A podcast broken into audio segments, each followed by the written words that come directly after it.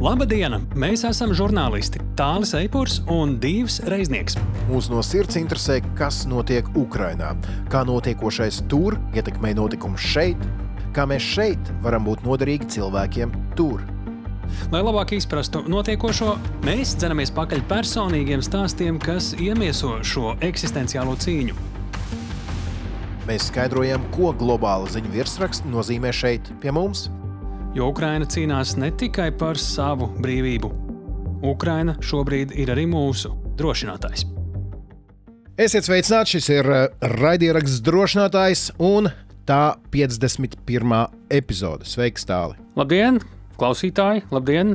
Sakām arī divam reizniekam, un īpaši labdien tiem, kuri Nu, te ir sociālajos tīklos aizskrējis tāds trends, ne, kā to latviešu sauc, tendence, tas arī nav latviešu, kur cilvēki dalās, kas tad gada laikā ir bijuši viņu klausītākie raidieraksti. Spotify. Spotify šajā gadījumā, jā, un mums ir ļoti liels prieks par visiem tiem, kuru listēs mēs esam, jā, arī pirmajā vietā šī gada laikā, kuri raksta, ka ir noklausījušies pilnīgi katru, viens mīnus vienu no visām epizodēm.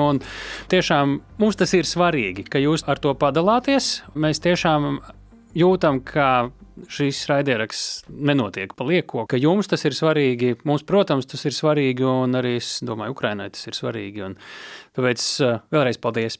Paldies, ka jūs sekojat līdzi Ukrainas tēmai. Es to vairāk uz to norakstu, nevis uz mums tālu.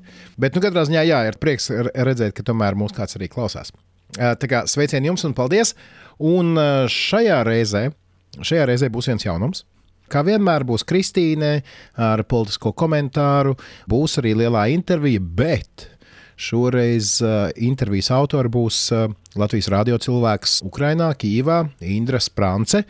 Un viņa aicinājusi uz sarunu Mikolu Kulebu. Viņš ir um, nevalstiskās organizācijas Save Ukraine, jeb uh, Glābiet Ukrainu vadītājs, un šī organizācija nodarbojas ar oh, vienu no viena no sāpīgākajiem, bet vienlaicīgi viena no svarīgākajiem darbiem.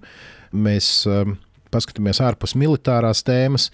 Viņi ir lielākie no tiem, kuri mēģina atgriezt atpakaļ, un ne tikai mēģina, viņiem arī tas izdodas, Krievijas nolaupītos ukraiņu bērnus. Tad šajā sarunā Mikls pastāstīs gan par to, kā tas notiek, gan par um, savām personiskajām sajūtām, un, un kā šis karš ir ietekmējis viņu un to trako komandu, labā ziņā trako komandu, ko Mikalam ir izdevies izveidot, un kuri tiešām strādā šī viena mērķa labad, kā Ukrainai dabūt atpakaļ savus bērnus. Jā, un dabūt atpakaļ gan no Krievijas, gan no okupētajām teritorijām, gan arī no vietām, kur rita kara darbība. Ļoti svarīga saruna būs par to, bet eh, pirms tam, kā jau raidierakstā drošinātājs pieklājas, eksperts, pētniecis, starptautiskās drošības politikas eksperts un pētniecis Kristīnas Bērziņas. Spriedumi par svarīgo un aktuālo šobrīd pasaules drošības politikā, un tas, par ko mēs jau to daļu ar viņu plašāk dzirdēsim sarunu, ir gan par to, kāpēc ir pamats bažām par Putina vizīti tuvajos austrumos, kāpēc Ungārijas iespējamais veto Eiropas palīdzībai Ukrainai un arī uzaicinājumu uz iestāšanos sarunām izskatās kā tāds diezgan, diemžēl, reāls scenārijs, ka Ungāri varētu būt sekmīgi. Kristīna izskaidros, kāpēc tā. Kāpēc arī vēl viens stāsts, kāpēc ASV aug vilšanās sajūta par Ukrainai dotās naudas tādu atbilstošu izmantošanu. Lūk, šie visi temati jau to daļu sarunā ar Kristīnu Bērziņu.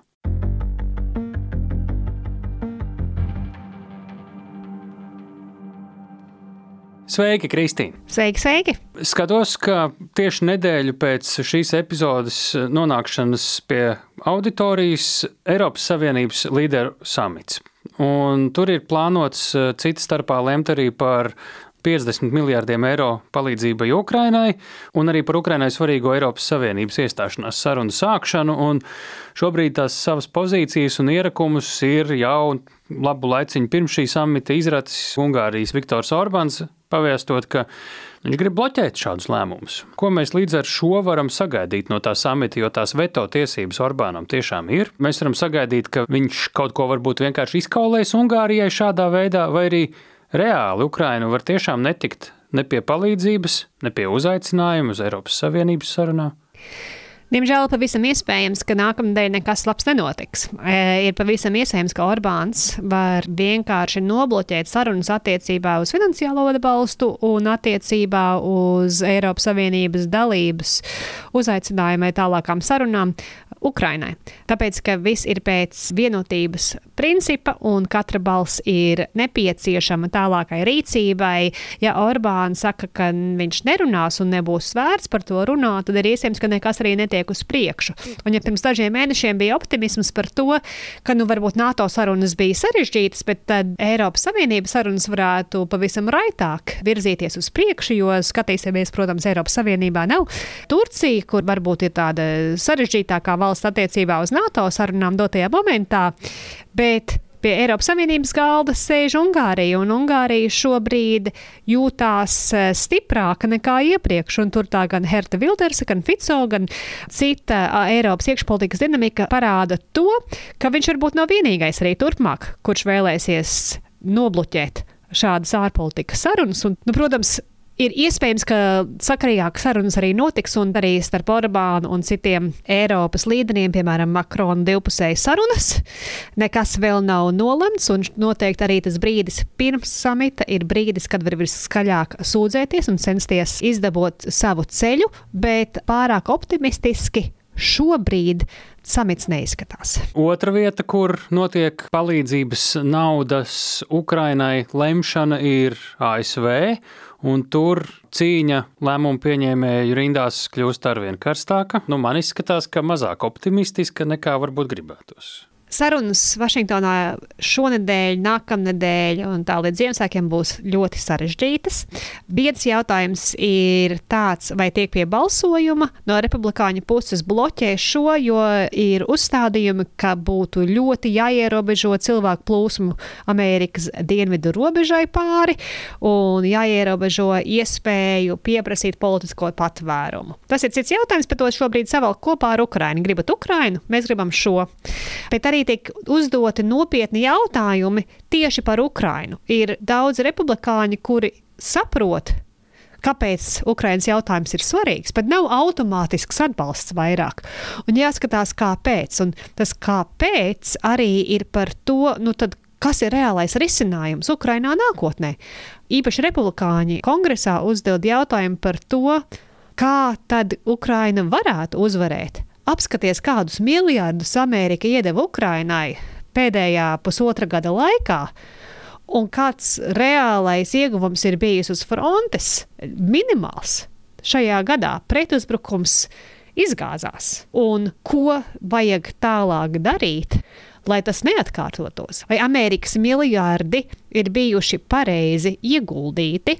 Kas tad ir pareizā stratēģija? Tie ir atklāti jautājumi. Šobrīd ir tāda notiek grāmošanas process par to, nu kāds ir bijis rezultāts tam, ko ASV ir devusi Ukrainai. Pretargumenti, ka tas, protams, ir strateģiski ārkārtīgi svarīgi, bet ir bijušas pēdējā gada laikā liels nesaskaņas starp Amerikas administrāciju, militāro vadību un Ukrainu, un savā ziņā ir parādījušās divpusējas vilšanās.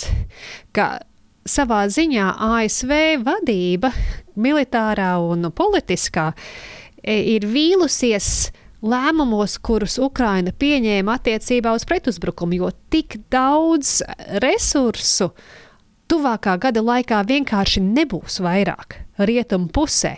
Un bija vēlme no ASV puses, lai Ukraina izvēlās vienu punktu, vēlams uz dienvidiem, pie Mikulājevas, izsisties cauri un atgūt teritoriju.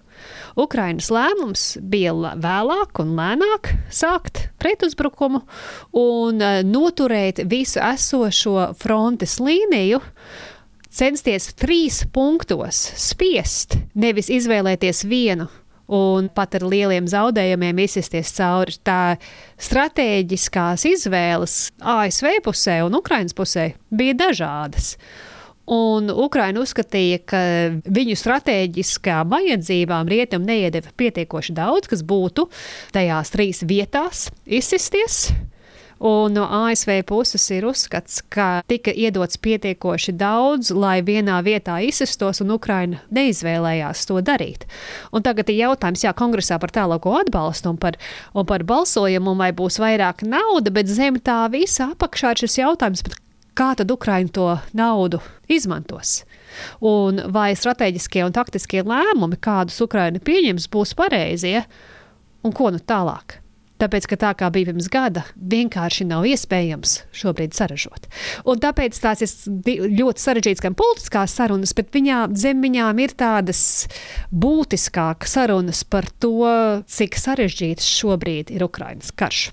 Bet, nu, ja mēs paskatāmies no sākuma, palīdzību saņemt ir arvien grūtāk Ukrainai šobrīd, vai par spīti it kā tām lielajām runām par nogurumu, kara un um, politiskajām batālēm, de facto Ukraina saņem vairāk nekā jebkad varbūt.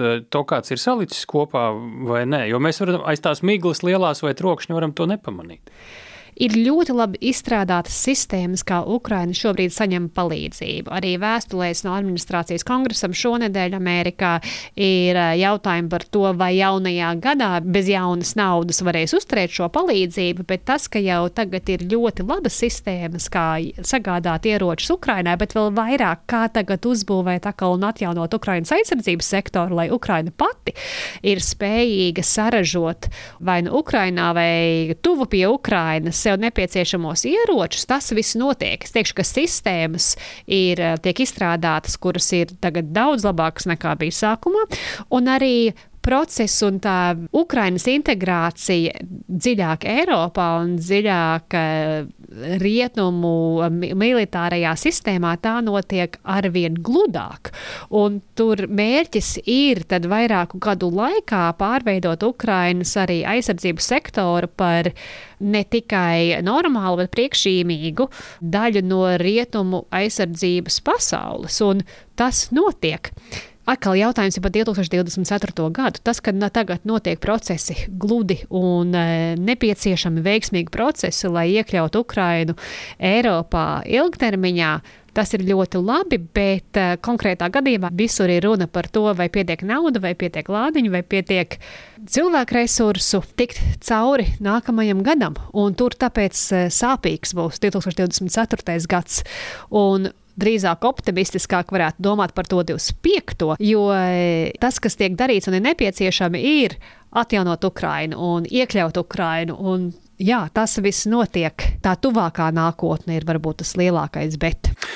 Un vēl viens temats. Putins tik reti dodas kaut kur ārpus Krievijas, jo viņu tik maz kur gaida, ka viņa došanās uz Tagad apvienotajiem Arābu Emirātiem un Saudārābija nevar nesaraukt uz acis eh, bažīgā grimasē, mēs zinām, ka arī apvienotajos Arābu Emirātos tieši šajās dienās notiek arī lielais klimata samits, kur ir ļoti daudz līderu, kurus Putins viņu teritorijās nevar satikt, kur, kuri paši pie viņa nebrauc.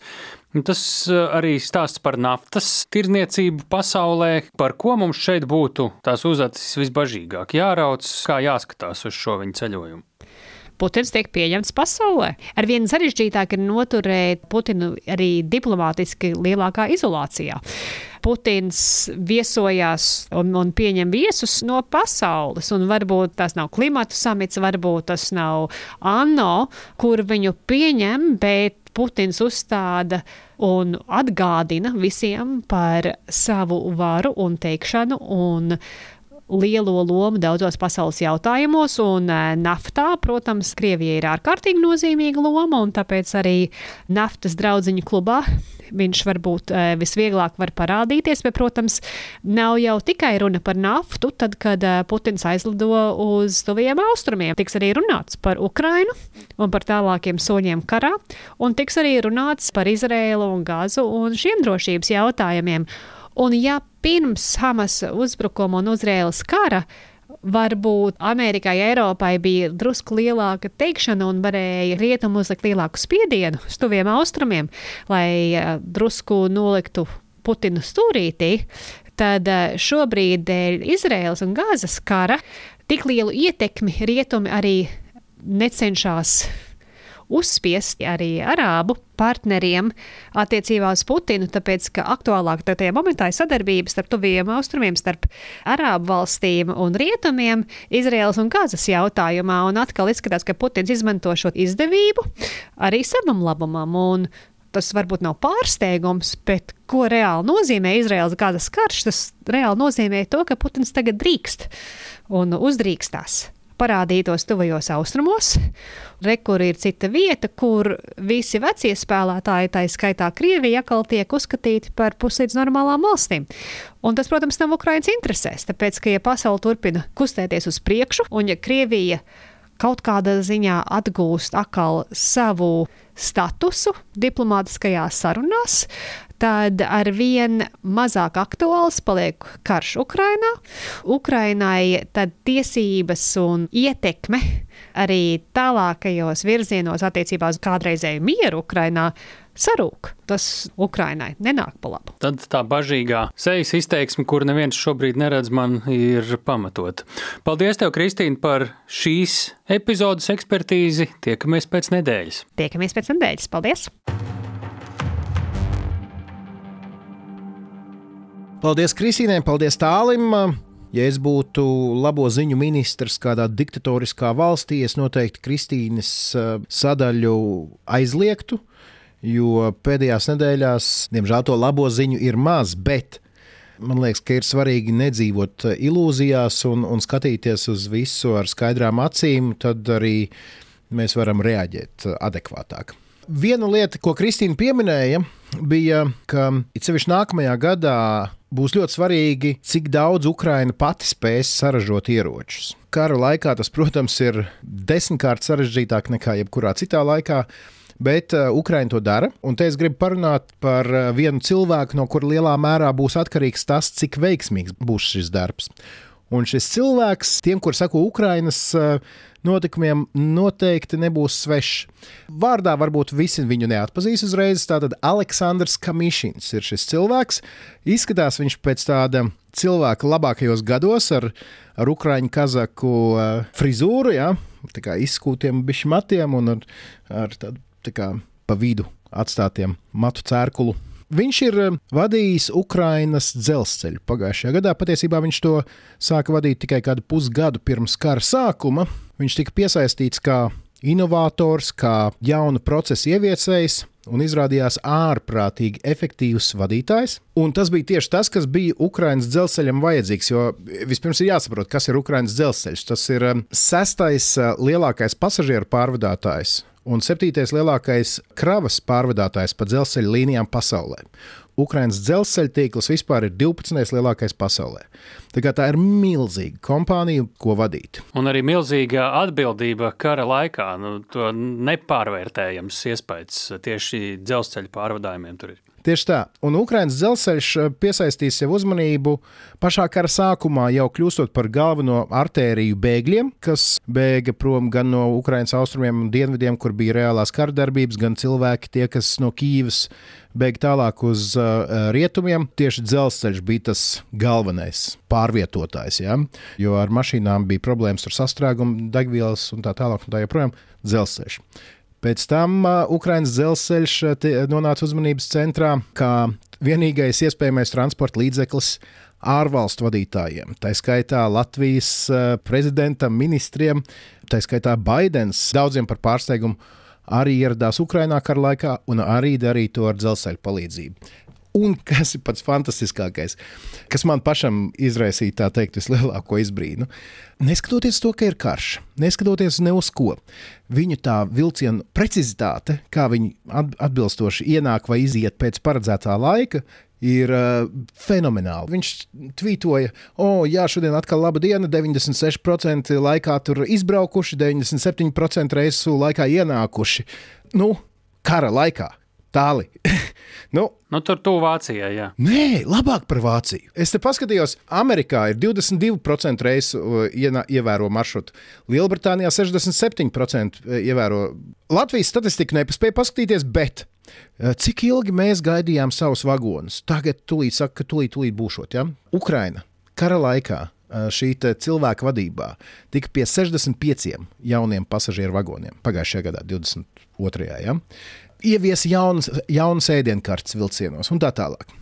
Līdz ar to Kas notika? Šī gada martā prezidents Zelenskis izlēma pārvietot šo cilvēku no Ukraiņas dzelzceļa vadības, pārceļot viņu uz Ukraiņas strateģisko industriju ministriju un iecēla viņu par ministru. Kas tas ir? Tas ir principā amats, kur galvenais uzdevums ir pāraudzīt Ukraiņas ieroču ražotājus.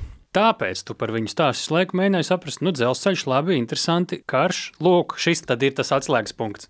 Šis bija garais ievads, piedod tālu, piedodiet klausītāji. Bet nu, tad beidzot mēs esam nonākuši līdz tam, kāpēc es par viņu runāju. Nu, lūk, un sāka viņš darboties tikpat efektīvi, kā viņš bija darbojies dzelzceļā. Vispirms viņš pārbaudīja, izbraukāja visas bumbu patvērsmes. Dabūja pagalvu visi tie, kuri nebija sakārtojuši šīs lietas.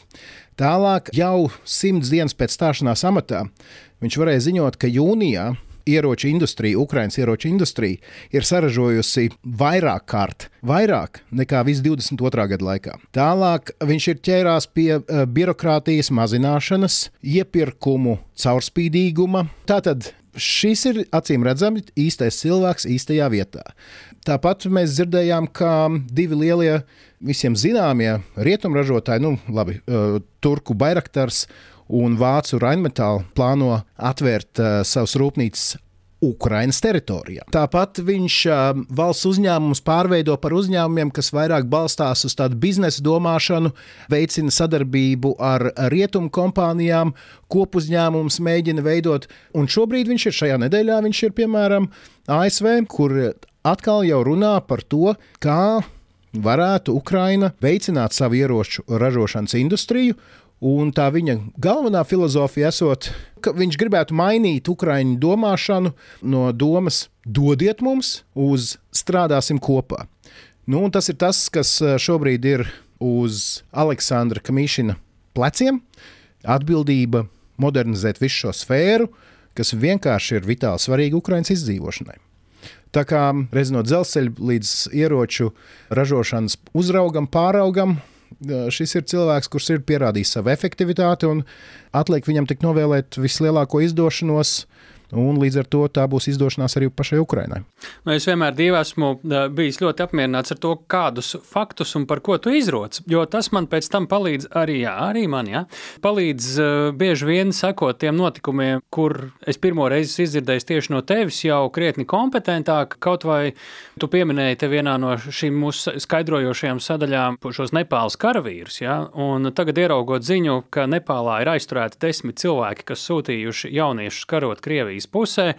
Man jau bija tas tavs fona info, kur tu biji izstāstījis vienā no iepriekšējām epizodēm, un Eh, te arī burtiski šajā nedēļā Nepāla arī Krievijai prasījusi neņemt eh, Nepāles pilsoņus eh, karā pret Ukrainu. Tā kā šis tavs stāsts attīstās. Jā, starp citu, es arī tieši lasīju LSM. Ukrainā gāju, gājuši bojā seši Krievijas armijā savarvētie Nepāles pilsoņi. Un tāpēc atkal nepālieši saka, jau Krieviem nevajag, lūdzu, nevarvējiet. Tieši tā. Un ir vēl viens temats, kuru tu manām ausīm izcēli viens no pirmajiem zināmu. Un es sākumā brīnījos, vai tiešām tas tā notiek. Un, protams, ka pēc tam parādījās daudz nepatīkamu faktu, kas notiek ar Ukraiņas bērniem. Es zinu, ka tu biji viens no pirmajiem, kas to tā skaļāk uh, Latvijas auditorijai sāka runāt.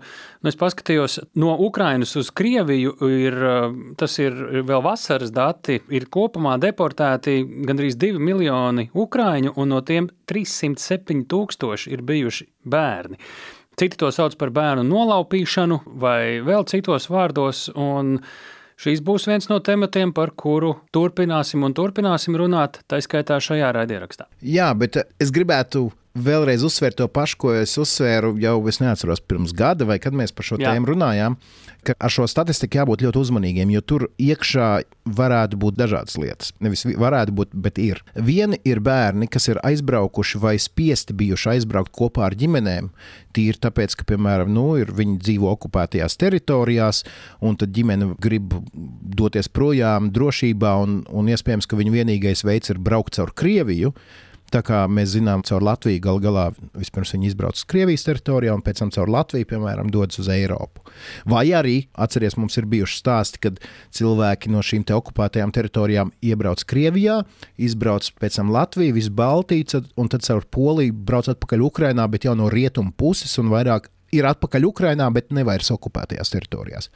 Un tad ir tā vissāpīgākā sadaļa, ir šie bērni, kas tiešām ir nolaupīti no bērnu namiem, no slimnīcām, no nometnēm. Nosauciet tik jau kādu iemeslu, un tie visi visdrīzāk būs uh, realizējušies. Tātad šie bērni, kas tiek aizvesti uz Krieviju, viņi tiek iedoti adopcijai, viņi tiek mēģināti uh, uzaudzināt par krieviem, viņos mēģina iznīcināt visu ukrainisko, un mēs dzirdam par ģimenēm, kas atkal satiekas. Mēs dzirdam par eh, bērniem, kuri tiek atkal atvesti, un liela daļa šo bērnu tiek atvesti tieši pateicoties organizācijai, kur vada mūsu šīs dienas um, intervijas galvenais varonis. Tas ir Mikola Kulēbā no organizācijas Save Ukraine vai Glābiet Ukrainu. Šoreiz uh, ar viņu sarunāsies nevis Tāls Eipurs, nevis divs reiznieks, bet gan Latvijas radio kolēģi, kura dien dienā dzīvo un strādā šobrīd Ukrainā, Indra Sprānce. Šī intervija būs ukrainiski gandrīz pilnībā dažbrīd kulēbi pārgāja uz angļu valodu, bet pamatā ukraiņu valodā. Tā kā, ja jūs gribat uh, un varat saprast, tad ļoti labprāt varam jums piedāvāt šo interviju arī bez tulkojuma latviešu valodā. To, kā vienmēr, publicējam kopā ar pilno raidierakstu ierakstu. Tā kā meklējiet, turpat vien kaut kur ir. Jā, klausāmies. Indra Sprānce, Mikola Kuleba no Save Ukraine.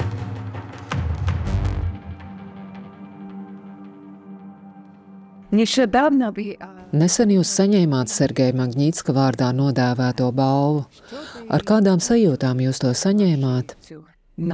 Звісно, що ця відзнака, ця премія, вона була важливою для Save Ukraine взагалі, не, не для мене особисто, тому що Protams, ka šī atzinība, šī balva bija Save Ukraine, ne man personīgi. Jo visu, ko paveic Save Ukraine, visu, ko es varu paveikt, tas ir liels Save Ukraine komandas darbs. Pirmkārt, jau bērnu atgriešanā, un patiesībā ir pat grūti aptvert, cik daudz darba ir izdarīts. Bet, protams, ir patīkami, ka mēs saņemam atzinību, ka mūsu veikums ir ieraudzīts un novērtēts. Tas ir novērtējums visai organizācijai побачили, наскільки це важливо. Тому ця відзнака для всієї організації, і, звісно, там також були представники інших країн. Tur bija arī citu valstu pārstāvji no tās pašas Ruandas, kuriem ir saikne ar politiskajām aprindām, kur ir pieredzējuši vardarbību, kuru radinieki ir nogalināti. Un būt kopā ar tādiem cilvēkiem no tādām valstīm, tas ir liels gods mums. Šī atzinība ir vairāk tāpēc, lai mēs varētu vēlreiz stāstīt par mūsu bērniem, kas ar viņiem notiek. Зрозуміло, що навіть ця відзнака це більше для того, щоб ми могли розповісти про наших дітей, про те, що з ними відбувається, оскільки зі мною ж було двоє дітей. Kopā ar mani balvas saņemšanā bija divi bērni, kurus mēs atgriezām no Krievijas, no okupētajām teritorijām. Tās ir meitenes, kas cieta no deportācijām, nelikumīgas izvešanas. Viņas bija tur, un viņas stāstīja pašu pieredzēto. Un mums tā bija iespēja plašākai publikai stāstīt par Krievijas kara noziegumiem. Ця сцена це була сцена для того, щоб розповісти про злочини Росії. Звісно, що е, сам Магнітський постраждав. Protams, ka pats Magnitskis cieta. Tas ir nozīmīgi. Putins nogalināja Magnitski un bija nozīmīgi, ka tur bija sapulcējušies cilvēki, kas visā pasaulē cieš no šiem režīmiem, kuri tiek masveidā nogalināti. Mums tas bija nozīmīgi, jo tas pats Bills Brauders, kurš šo visu organizēja, Magnitska draugs, mans draugs, Karamurza, kurš šobrīd atrodas ieslodzījuma vietā Krievijā un ir Putina vajāts, Tas viss vienkārši rada tādu atbalsta sajūtu, apvienot tos cilvēkus, kas cieš un turpina ciest, un tos, kas cīnās ar šiem režīmiem. Страждають, продовжують страждати, і тих, хто бореться з тими режимами. Сьогодні 640. Šodien ir 646. diena kopš vispārējā iebrukuma sākuma. Kā šis karš izmainīja jūsu dzīvi? повністю змінило, оскільки я сьогодні pilnībā izmainīja. Tā kā šodien viss, ar ko es nodarbojos, ir karā cietušo bērnu un ģimeņu atgriešana. Tā vietā, lai attīstītu valsti, lai veiktu uzlabojumus bērnu labklājības nodrošināšanas sistēmā, veidotu atbilstošus pakalpojumus tam, lai bērni attīstītos. Tā vietā es katru dienu kopā ar savu Save Ukraine komandu nodarbojos ar to, lai atgrieztu atpakaļ vēl vienu bērnu vai nu no okupētajām teritorijām, vai no Krievijas, kur viņi bija piespiedu kārtā deportēti, vai no kardarbības zonām. Lai rastu patvērumu tām ģimenēm vai bāreņiem, kas kara dēļ ir pazaudējuši visu. Або це сім'ї з дітьми, які все втратили. Тобто зараз Україна в стадії активної війни. Šobrīd Ukraina ir aktīvas karadarbības stadijā, un tas ir izmainījis arī manus dzīves apstākļus, jo mana ģimene kopš pirmajām kara dienām bija bēgļi. Tagad viņi ir atgriezušies, un te jau visi esam kopā. Man ir četri bērni un sieva. Sieva ir ar mani, bērni, daļa ir te, daļa kur kurais. Tā ka tam ir bijusi ietekme arī uz mūsu ģimeni un ar to, ko es nodarbojos. Daudz labāk es gribētu nodarboties ar manas valsts attīstību, tādas sistēmas attīstību, kas palīdz bērniem, nevis ar bērnu glābšanu no nāves. Šobrīd tas, ko mēs darām, mēs glābjam bērnus no nāves, reālas bojājas kara dēļ. Un tā ir traģēdija. Mēs šobrīd dzīvojam situācijā, kurā mūsu tauta piedzīvo traģēdiju. Nu, tas ir traģēdija. Тобто ми живемо в ситуації саме якраз трагедії нашого народу. Ваша організація дуже допомагає. Jūsu organizācija daudz palīdz bērniem. Kā šis karš ir izmainījis Ukrainas bērnus? Kā jūs to redzat? Але наслідки ми сьогодні оцінити їх не можемо ще, бо триває війна. Saka, šobrīd nevaram novērtēt, turpinās karš. Mēs jau redzam pēc tiem bērniem, kas ir mūsu centrā, ka viņiem ir posttraumatiskā stresa sindroms, miega traucējumi.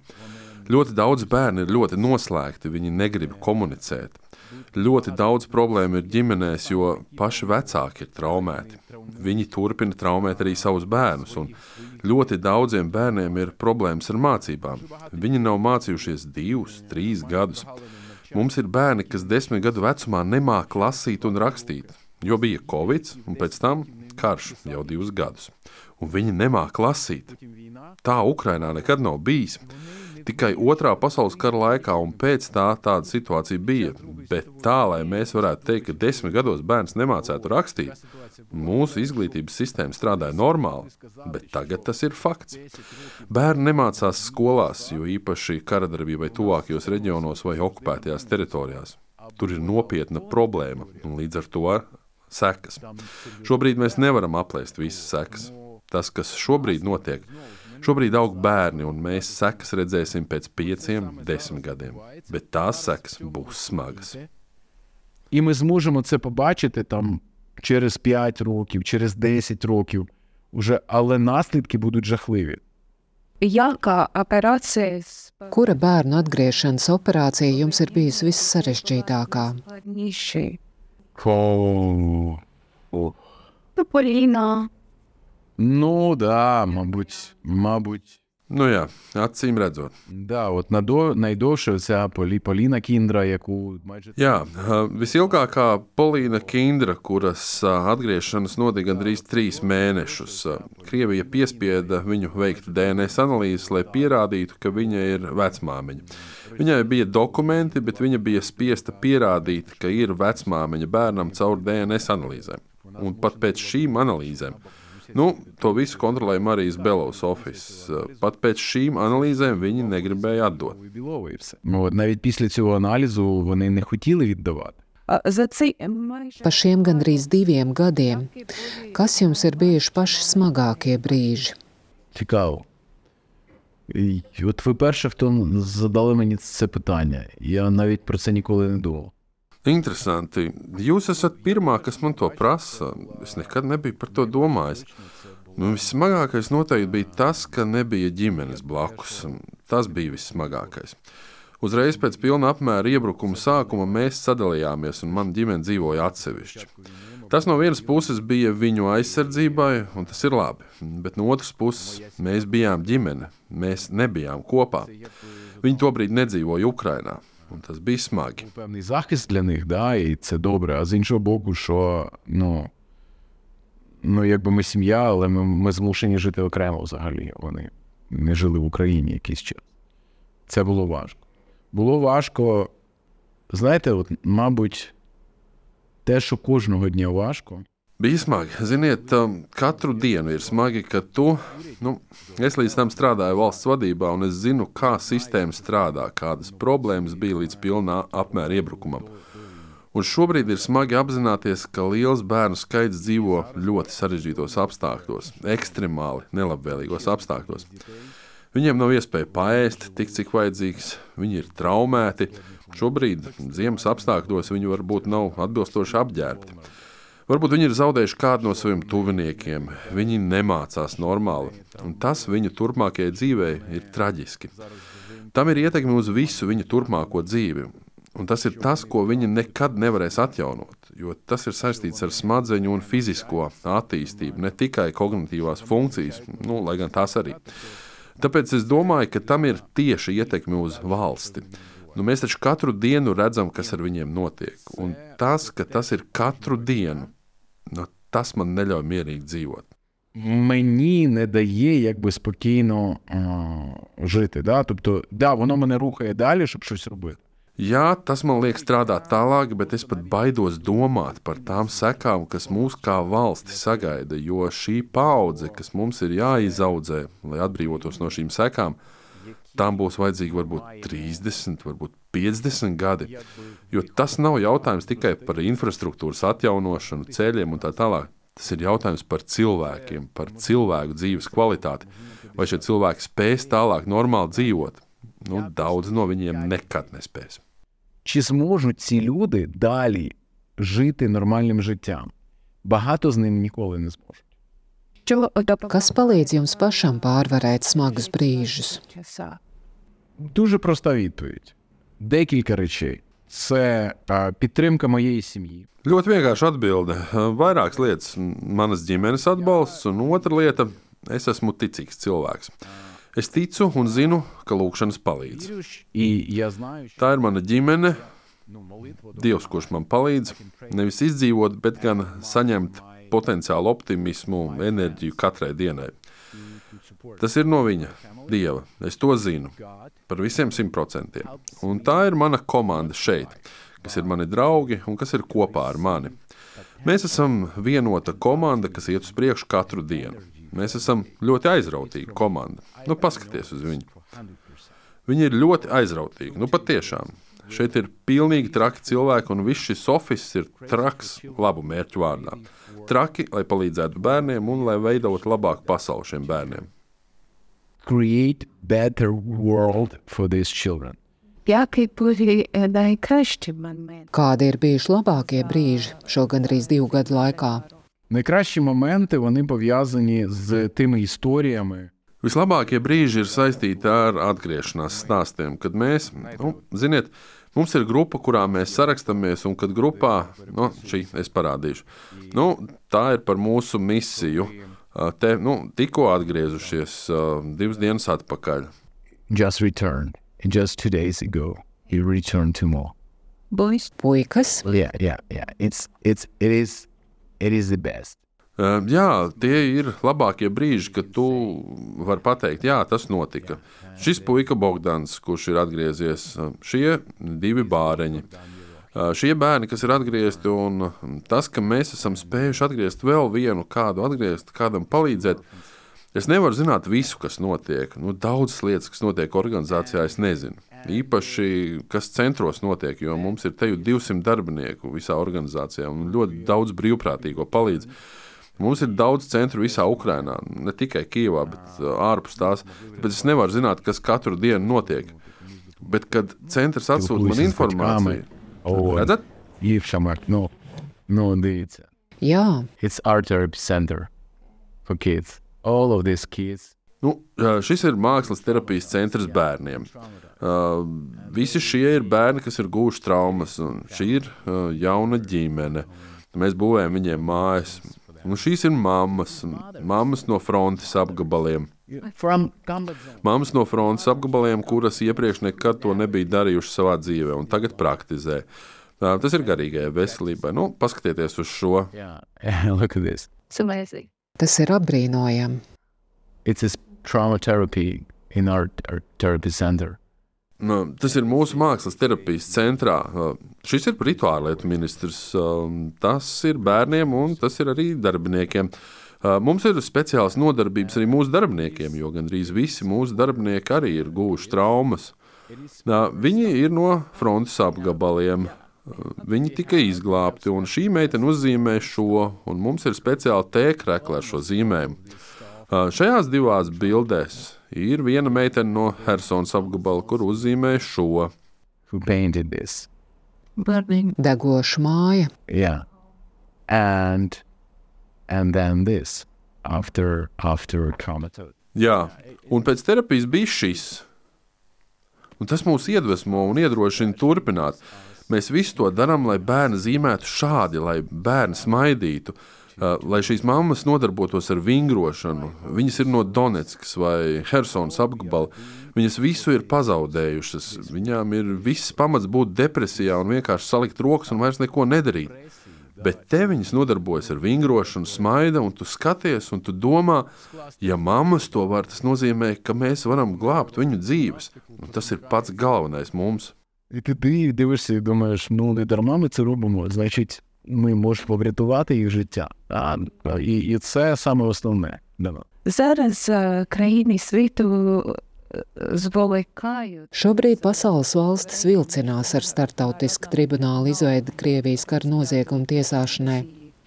Vai jūs ticat, ka Putins un viņa līdzgaitnieki tiks sodīti? Будуть карені.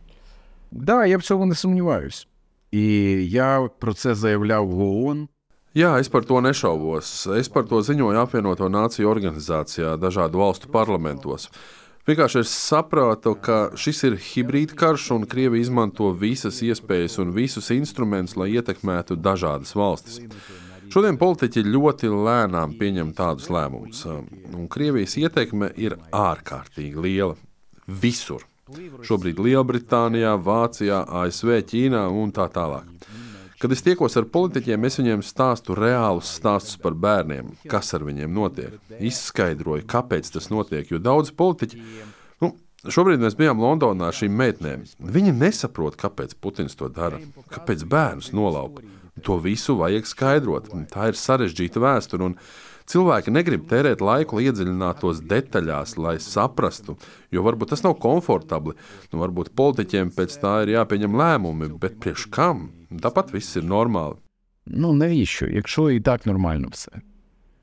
Але це Путін ну, через час, от я виступав в багатьох країнах і казав, що через 20 років. Es esmu uzstājies daudzās valstīs un teicu, ka pēc 20 gadiem jūs atzīsiet šo kā genocīdu, un pēc tam teiksiet, jā, mēs sapratām, ka tas ir genocīds. Līdz šim brīdim Lielbritānija nespēja atzīt Holodomoru Ukrainā. 90 gadi pagāja, un es savā runā Lielbritānijā runāju par Holodomoru. 4 miljoni ukrāņu bija nogalināti, un Lielbritānija domāja atzīt Krieviju par teroristu vai neatzīt. 90 gadus viņi nevarēja pieņemt šo lēmumu.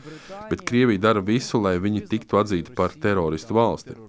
Holodomors, kāri, genocīdi, tas viss. Viņi dara visu. Es domāju, ka karš Ukrainā tam pieliks treknu punktu. Вони все роблять. І війна в Україні, я думаю, що поставить жирну крапку вже, коли вже це буде доведено. Коли те, що зараз відбувається, воно.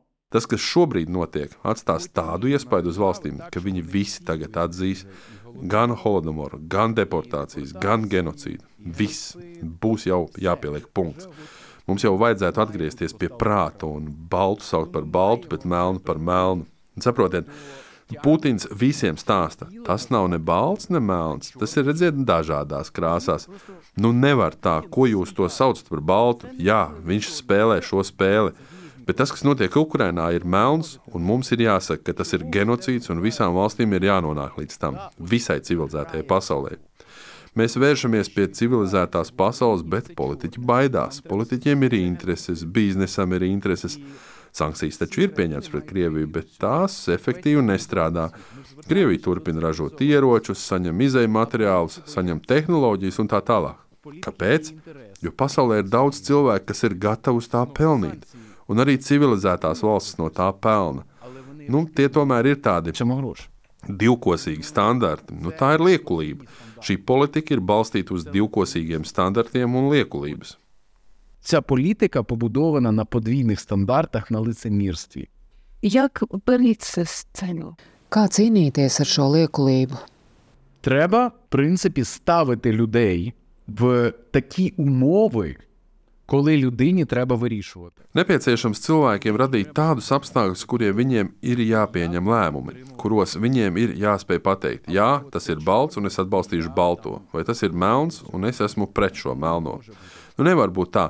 Nu, vienkārši daudziem cilvēkiem ir svarīgi pateikt, tas man nav viennozīmīgi. Putina galvenais narratīvs ir, ka viss ir neviennozīmīgi.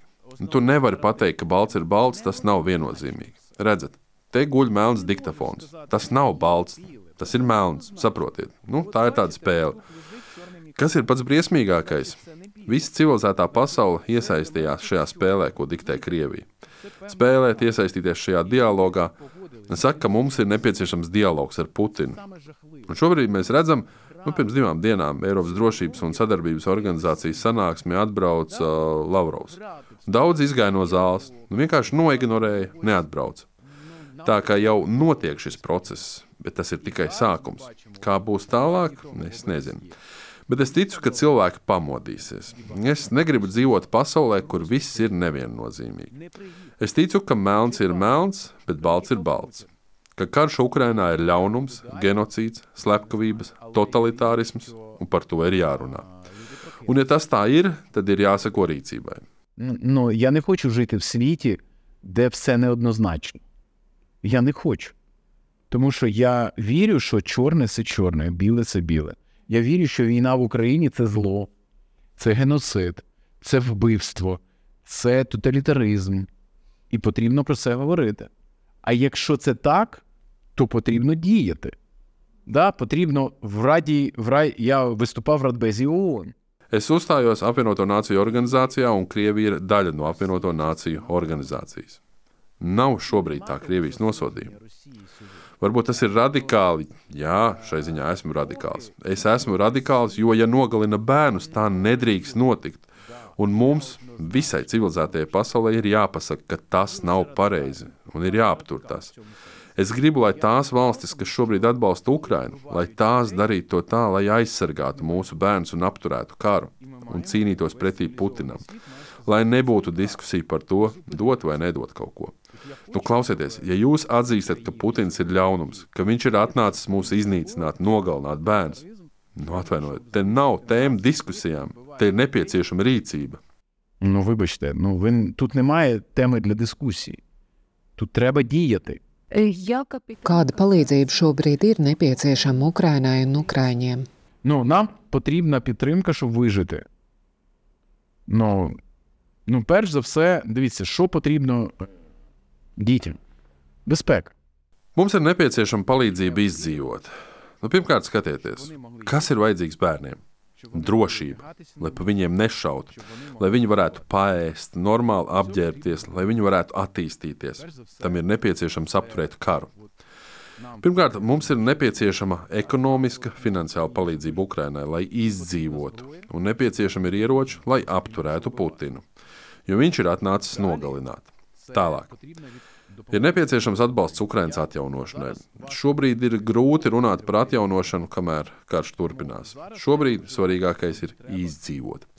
Valstīm ir jādara viss iespējamais, lai ļautu Ukraiņai izdzīvot, jo Ukraina var kļūt par spēcīgu valsti Eiropas civilizēto valstu saimē, un tā tam ir jānotiek. Державою в серед європейських цивілізованих держав.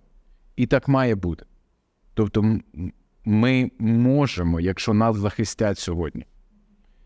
Якщо ні, то Ja mūs aizsargās, mēs varēsim, bet ja nē, tad Ukraina kļūs par placdarmu Eiropas iekarošanai. Putinam Ukraina ir nepieciešama vienkārši kā teritorija, no kuras viņš tālāk iekaros citas zemes. Jo Eiropai un visai pasaulē vajadzētu saprast, šodien šeit, Ukrainā, notiek karš par Eiropu. par brīvību, par demokrātiju. Šeit, Ukrainā, faktiski tiek risināts globāls jautājums.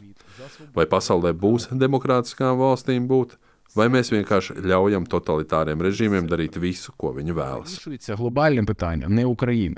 Питання глобальне світу. Чи бути світу демократичним, чи, чи ні? Чи ми просто даємо е, тоталітарним режимам робити все, що вони хочуть? Незабаром буде е, друга річниця. Drīz būs otrā gadsimta kopš pilna apmēra iebrukuma. Cilvēki sāk nogurt. Vai jūtat, kā atbalsts mazinās? Це що підтримка слабшає. Да, я, я бачу, що підтримка, ну це всі бачать, що сьогодні е, підтримка зменшується. Jā, es redzu, visi redz, ka šodien atbalsts Ukrainai mazinās. Un mums būtu jādara viss iespējamais, lai atbalsts nemazinātos. No tā ir atkarīgs, vai Ukraina un Ukraiņi izdzīvos. Tas nav jautājums tikai par ieročiem, tas ir vairāk jautājums par cilvēkiem Ukrainā. Vai viņi varēs pārdzīvot ziemu, vai viņi varēs saglabāt savu veselību, tas ir jautājums par viņu turpmāko dzīvi. Jo Ukraina ir cilvēki, kas te dzīvo. Ja nosargāsim savus cilvēkus un palīdzēsim viņiem, nu, šobrīd simtiem tūkstoši cilvēku ir iesaistīti karā kā karavīri, un katru dienu viņi mirst. Viņiem ir nepieciešama palīdzība. Кожного дня медики та кожного дня вони вмирають. Ну і їм потрібна допомога. Що би ви сказали? Ko jūs pateiktu cilvēkiem, kuri ir noguruši palīdzēt Ukraiņiem? Дуже проста річ. Я завжди в цьому випадку цитую Біблію. Ļoti vienkārši. Es vienmēr šajā gadījumā citēju Bībeli. Kā jūs gribētu, lai pret jums izturas, tā jūs rīkojaties attiecībā pret citiem cilvēkiem. Es vēršos pie cilvēkiem un saku, ja jūs būtu šajā situācijā, kad atnāk kāds, kurš grib jūs nogalināt, ko jūs gribētu? Kā jūs gribētu, lai citi pret jums izturētos? Protams, lai aizsargātu, lai palīdzētu, lai pabarotu, lai atbalstītu. Nu, principā rīkoties šādi. Nedomāt par to, vajag vai nevajag. Vajag. Jo, ja jūs būtu tādā situācijā, jūs to ļoti gribētu. Nolieciet sevi šo cilvēku vietā, lai kādā valstī jūs nebūtu. Eiropas valstīs, ASV, Kanādā vai citur. Darīt tā, lai varētu izdzīvot Ukrajinā. Mēs gribam, lai tiktu respektētas mūsu tiesības dzīvot. Mēs gribam dzīvot. Mēs gribam, lai mūsu bērni dzīvo. Mēs gribam, lai viņi ietu skolā, smaidītu un mācītos, normāli ēstu, lai viņi attīstītos, lai viņi sapņotu un arī sasniegtu savus sapņus. Хочемо жити. Наші, ми хочемо, щоб наші діти жили. Ми хочемо, щоб вони ходили в школу, посміхалися, навчалися, нормально харчувалися, щоб вони розвивалися, щоб вони мріяли, щоб вони досягали своїх мрій.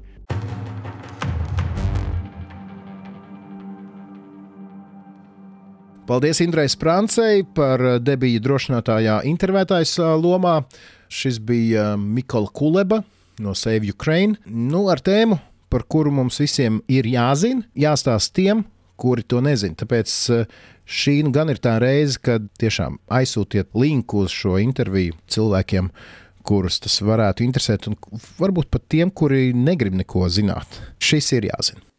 Nu jā, šis tiešām, kā tu saki, var būt par iemeslu tiem, kuri varbūt mazāk interesējas par karu Ukrajinā, jo nesaredz varbūt tiešu saistību vai kādu emocionālu noti, kas viņus tur aizskar. Tad šis stāsts ir tas, kurš var aizskart ļoti daudzus. Un liels paldies Indrai Sprancei par šo. Un paldies arī par debiju drošinātājā šādā formā, jo Indra jau nu, ir bijusi pie mums. Tikai toreiz mēs intervējām viņu pašu. Varat droši atrast kādā no mūsu nu, jau diezgan senām epizodēm, ko tas nozīmē strādāt kā žurnālistam Ukrajinā. Arī Tas ir viss. Drošinātājā, tā kā tveriet, klausieties daudzas no intervijām, joprojām pat ja pirms krietniem mēnešiem nav zaudējušas aktualitāti. Tieši tā, tās epizodes nosaukums ir Mūsu cilvēks Ukrajinā. To es atceros. Tagad. Bet šī ir 51. sērija, raidierakstā drošinātājs, un ar to mēs arī palēnām nonākam līdz šīs epizodes beigām. Kā vienmēr Atgādināsim, ka mūs ir iespējams atrast sociālajos tīklos, meklējiet tā leipuru divu reiznieku, rakstiet mums uz drošinātāju e-pastu, drošinātājs at Latvijas Rādio LV. Esam ēterā katru ceturtdienu ar jaunu epizodi. Tiekamies pēc nedēļas vai arī pēc eh, mirkļa ja klausties mums kaut kad vēlāk, un ir jau iznākusi nākamā epizode. Svarīgākais, kas jāatceras mums visiem, ka drošinātājs tas ir skaidri un personīgi par karu Ukrajinā.